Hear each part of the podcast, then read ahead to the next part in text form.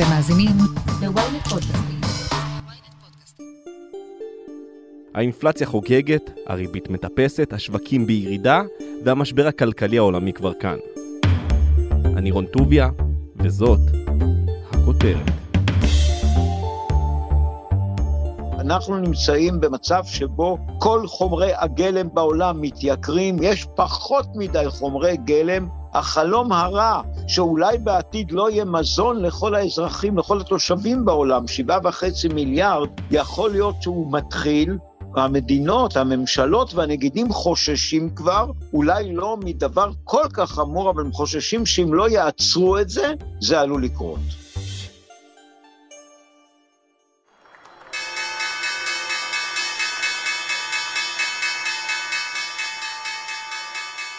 יום שני הוא תמיד הפתיח לשבוע חדש בשווקים הפיננסיים.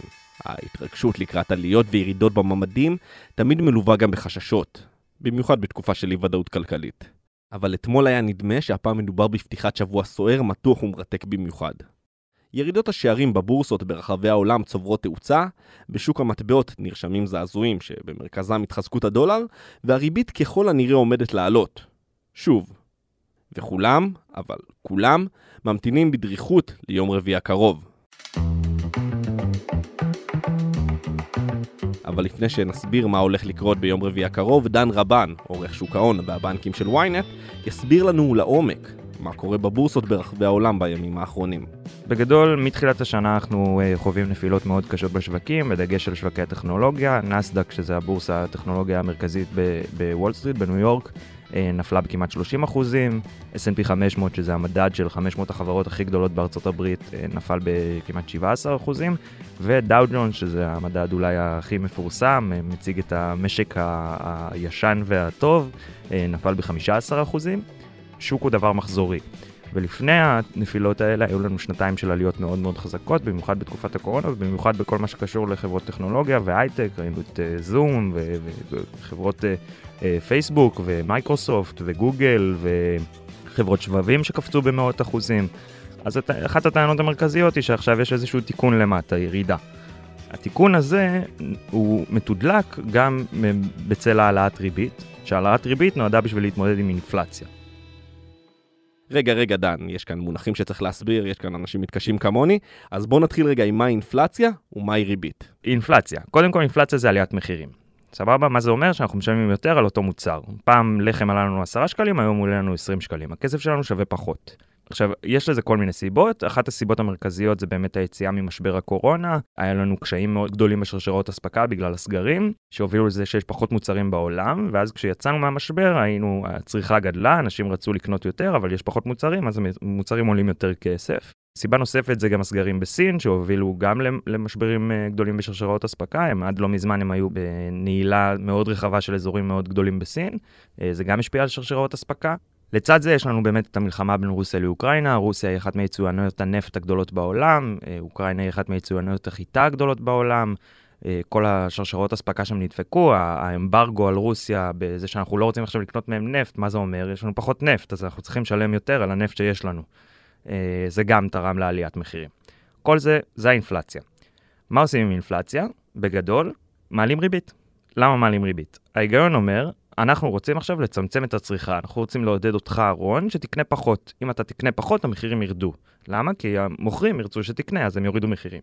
איך עושים את זה? מייקרים את הכסף. העלאת ריבית, ריבית בסיסית במשק, אומרת שעל כל הלוואה אתה משלם X כסף פלוס ריבית.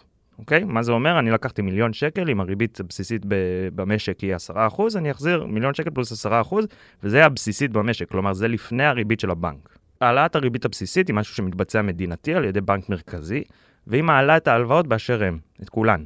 כלומר, כל בנק יכול להציע לך הלוואה, אבל הריבית הבסיסית תשפיע על כל ההלוואות.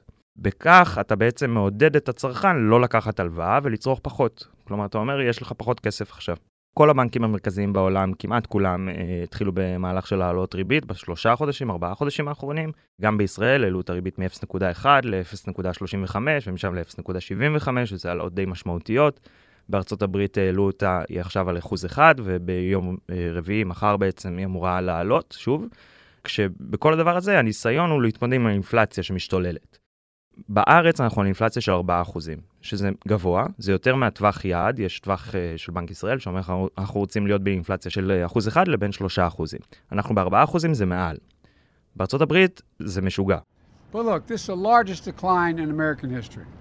Because of the progress, America can tackle inflation from a position of strength unlike any other country in the world, because every country in the world is getting a big bite and piece of this inflation. ביום שישי האחרון התפרסמו נתוני האינפלציה של ארצות הברית לחודש מאי.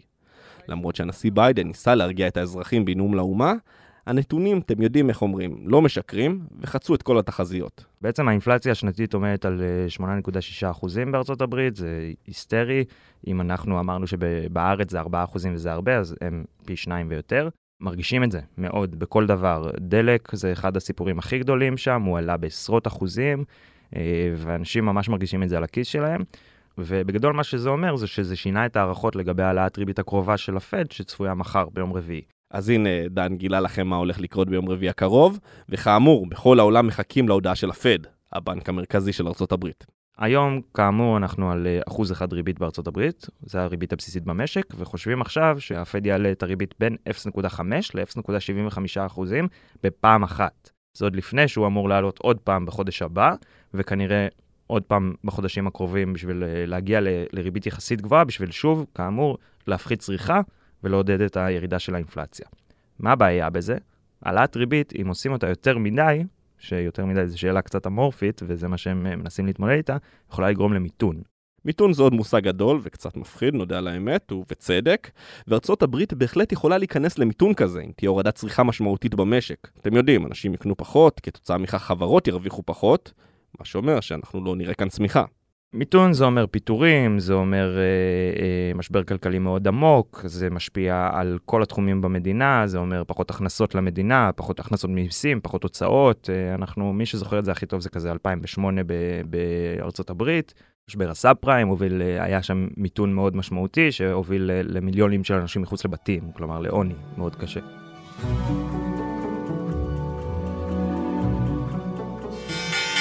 The Dow tumbled more than 500 points after two pillars of the street tumbled over the weekend. Lehman Brothers, a 158-year-old firm, filed for bankruptcy. ואם אנחנו נמצאים על פתחו של משבר עולמי כמו ב-2008, אז קרס שוק המשכנתאות האמריקני וגרם לאפקט דומינו שהביא לקריסה של כלכלות ברחבי העולם. פרשננו הכלכלי גד ליאור, אתה רואה קווי דמיון בין הסאב פריים למשבר הנוכחי? אני לא יודע אם יש פה קווי דמיון, יש דבר אחד ברור שאומרים היום הכלכלנים. הסאב פריים מ-2008 היה משבר, הוא קודם כל, הוא לא היה בכל העולם, הוא לא בקצב ובמצב של היום, אנחנו כבר עברנו אותו מזמן. היום דיברתי עם כלכלנית מאוד בכירה, שאמרה לי שלדעתה אנחנו מתקרבים למשבר 1929. אמרתי לה, מה באמת? היא אמרה, מה דעתך? אמרתי לה, אני לא יודע, דעתי שאולי עוד לא. באוקטובר 1929 ארצות הברית ואיתה העולם כולו נכנסו למה שנחקק בספרי ההיסטוריה כשפל הגדול, שהגיע לשיאו ב-1933 עם צניחה של 60% בתוצר הלאומי גולמי וירידה של 80% בתוצר התעשייתי. האבטלה קפצה מ-12% לקרוב ל-25% וללמעלה מ-8,000 פשיטות רגל של בנקים. אז היא אומרת, אני אגיד לך מה קורה, העולם כמרקחה יש פה נתון אחד שרודף את השני, זה לא רק בורסות כמו אז בארצות הברית שנפלו ב-1929, זה בוודאי יותר חמור מהסאב פריים שבעיקר עסק בנושאים של דיור. אנחנו נמצאים במצב שבו כל חומרי הגלם בעולם מתייקרים, יש פחות מדי חומרי גלם, החלום הרע שאולי בעתיד לא יהיה מזון לכל האזרחים, לכל התושבים בעולם, שבעה וחצי מיליארד, יכול להיות שהוא מתחיל, יכול להיות שיהיו מדינות שפשוט יש שם רעב, המצב רע מאוד לדברי אותה כלכלנית, ואני לא יודע אם הוא כל כך רע, אבל המדינות, הממשלות והנגידים חוששים כבר, אולי לא מדבר כל כך חמור, אבל הם חוששים שאם לא יעצרו את זה, זה עלול לקרות. אז גד, העולם בעצם צועד לקראת מיתון? המצב הרע ביותר, וזה כל הכלכלנים מסכימים, הוא סטגפלציה. נסביר, סטגפלציה זה מצב שבו מצד אחד המחירים עולים, ומצד שני יש מיתון ואבטלה. אז אם יש מיתון, הרי פחות צריכה, זה אומר שהמחירים ירדו. זה כמעט נכון, אבל לא לגמרי, כי כאשר מעלים ריבית למשל, זה לא משפיע על מחירי הניקל, הפלדה, הנחושת, החיטה, השמנים, כל מה שמתייקר היום בעולם בעשרות, ואני רוצה לומר גם במאות אחוזים. מחיר הניקל עלה בכ-250 אחוז. אז יש פה עליות מחירים מסחררות שגורמות לעלייה בכל התחומים, החל מבנייה, וכלה בייצור מכוניות. ותוסיפו לזה משבר אקלים שפוגע בגידולי התבואה ואת המלחמה באוקראינה שהקפיצה לא רק את מחיר הנפט, אלא גם את מחיר החיטה.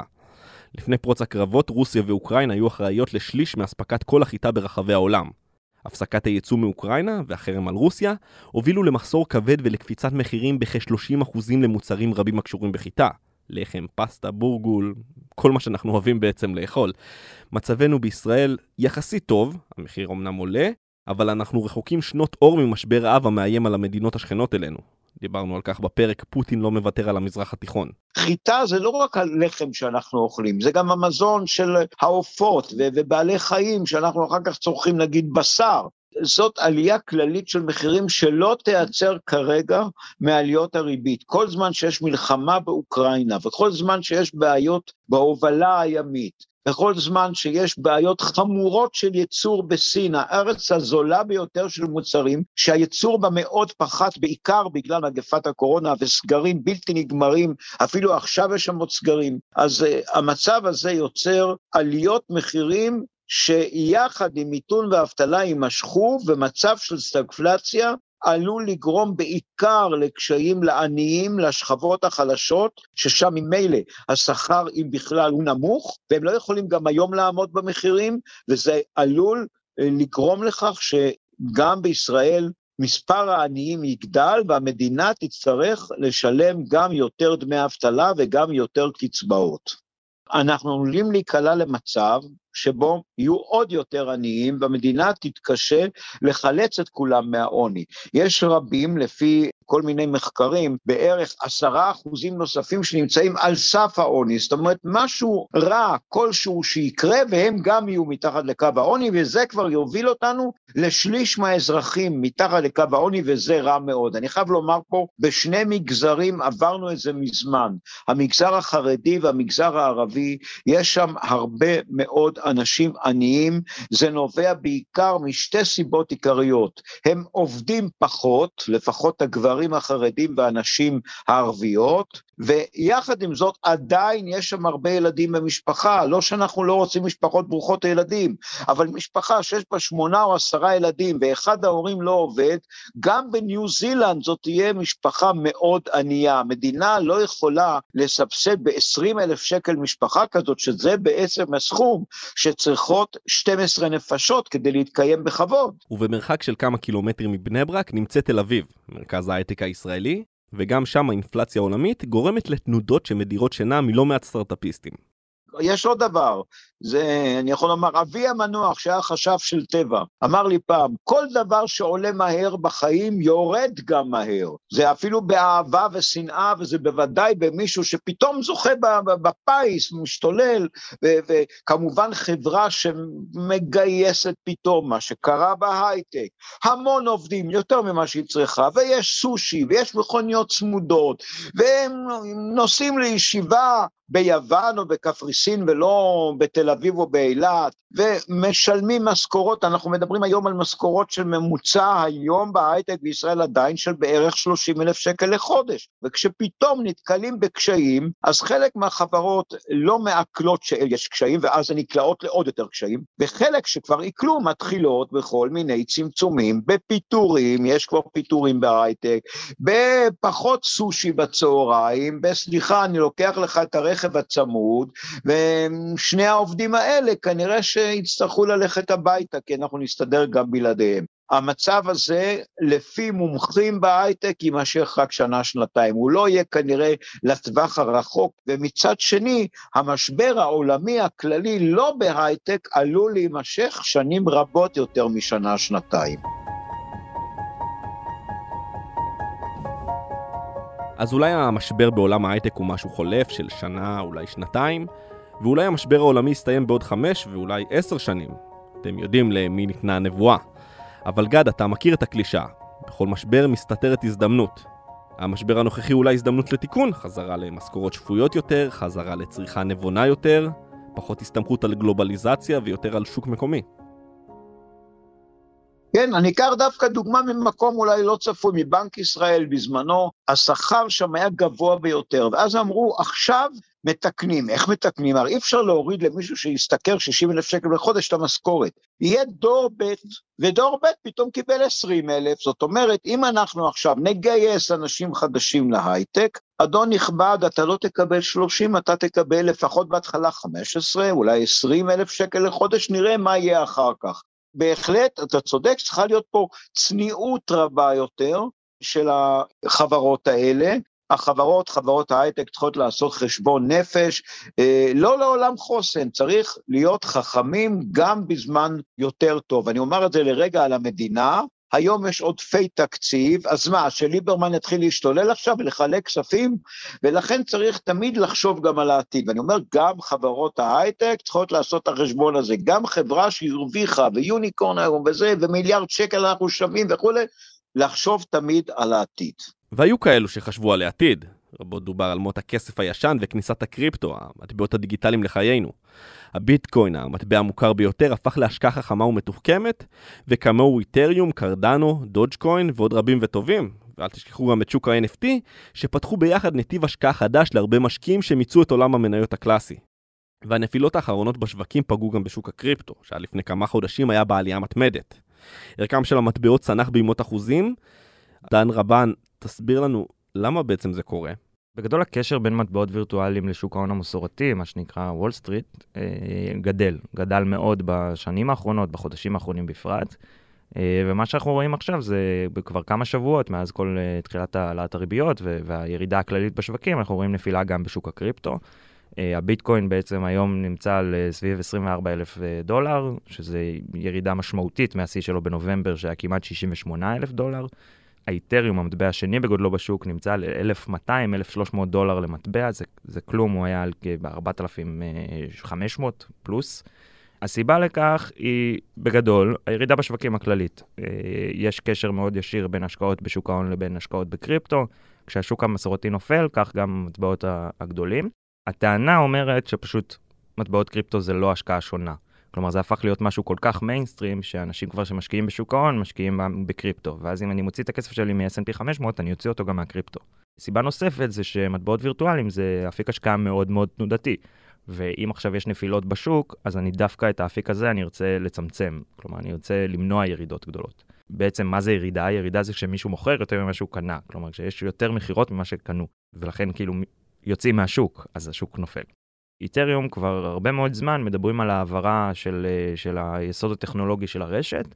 לא באמת משנה מה זה אומר, זה פשוט אומר העברה מאוד משמעותית של סוג הטכנולוגיה שעליה עובד המטבע בין היתר, וההעברה הזאת נדחית כל פעם. כל פעם בעוד תקופה ועוד תקופה ועוד תקופה, ועכשיו היא, אה, בשבוע שעבר דיברו על זה שהיא שוב פעם תידחה, וכל פעם שיש את הדחייה הזאת, יש ירידות בשווקים, כי אנשים קצת מאבדים אמון בכל הפרויקט הענק הזה. אז דן, איך הירידות בשווקים ישפיעו על הכיס שלנו? אז בגדול ההשפעה הכי ישירה זה שהפנסיה שלך נופלת. אה, הפנסיה, קרנות אה, השתלמות, כל דבר שמושקע בשוק ההון, אה, נופל. זה לא כזה משמעותי אם אתה מסתכל על תקופת זמן יותר ארוכה של חמש או עשר שנים, אבל בוא נגיד שמי שיותר קרוב לגיל הפנסיה עכשיו והשקיע באפיק השקעה שהוא יחסית מסוכן, שוק ההון נחשב לאפיק השקעה לא, לא כל כך, לטווחי זמן קצרים הוא, לא, הוא, הוא אפיק תנודתי מאוד. אה, אבל מי שבכל זאת בחר, הוא בן 60 נגיד, ובחר לשים את כל ההשקעה שלו, את כל הפנסיה שלו, את כל הקרן השתלמות שלו בשוק ההון, אה, חווה נפילה משמעותית, ועכשיו כשהוא יצטרך להוציא את הכסף, הוא יפסיד הרבה מאוד כסף. אז איך שומרים על הכיס שלנו? גד ליאור, יש לך איזה טיפ של אלופים איך להתנהל נכון בתקופה הקרובה? אה, בדיוק השאלה שצריך אה, להציג לכל אחד. קודם כל, גם אנשים שהיום חיים טוב מאוד, תמיד לשים משהו בצד. לא לרוץ לקחת הלוואות שאתה לא צריך. משכנתה, לחשוב היטב האם תוכל לעמוד בהחזרים לא היום, בעוד שנתיים שלוש כשהריבית תהיה ארבעה וחמישה אחוזים, ריבית בסיסית, ועל זה בא הפריים, ולא עכשיו שאנחנו עוד פחות מאחוז. לחשוב היטב האם בכלל צריך הלוואה, זאת אומרת, לחשוב שאנחנו הולכים כנראה לתקופה קצת פחות טובה, ישראל עברה את הקורונה יפה מאוד, את המשבר הזה כלכלית. יותר מהרבה מדינות בעולם. אנחנו כבר נמצאים, היינו ברביע האחרון של השנה האחרונה ביותר משמונה אחוזי צמיחה, יש פה השקעות רבות, האבטלה ירדה משיאים שלא ידענו כמותם, 27.5 אחוז אבטלה, אנחנו ירדנו לשיעורים של שלושה אחוז. צריך לשמור על זה, ולכן כל אדם צריך לחשוב מה אני עושה כדי לנהוג בהיגיון. זה לא אומר שלא תיסע לטייל בחו"ל, אבל זה אומר שאולי פעמיים בשנה ולא ארבע פעמים, פשוט לחשוב, לשים משהו בצד, אולי יבואו ימים קשים יותר. אז נקווה שיבואו ימים טובים יותר. גד ליאור, תודה רבה לך. תודה רבה. ותודה לך גם, דן רבן. תודה לך. עד כאן הכותרת להפעם. אתם מוזמנים לעקוב אחרינו בוויינט או איפה שאתם שומעים את הפודקאסטים שלכם. אם זה קורה באפל או בספוטיפיי, אתם מוזמנים גם לדרג אותנו ולהאזין לפרק נוסף שלנו על עולם הקריפטו. חפשו את הפרק רכבת ההרים של הביטקוין. אל תתביישו לכתוב לנו בקבוצת הפייסבוק שלנו פודקאסט להמונים, להציע לנו רעיונות לפרקים שאתם רוצים לשמוע, וגם לספר לנו מה דעתכם על הפרק. וכמובן, אל תשכחו לשלוח את הפרק לחבר שעדיין לא שמע את הכותרת של היום. מה אכפת לכם? זה לא עולה כסף, לא שיש הרבה כרגע. את הפרק ערכתי יחד עם גיא סלם, על הסאונד, ניסו עזרן, עריכה לשונית אור שמש, סיון חילאי חברה גם היא בצוות הכותרת, אני רון טוביה, נשתמע בפעם הבאה.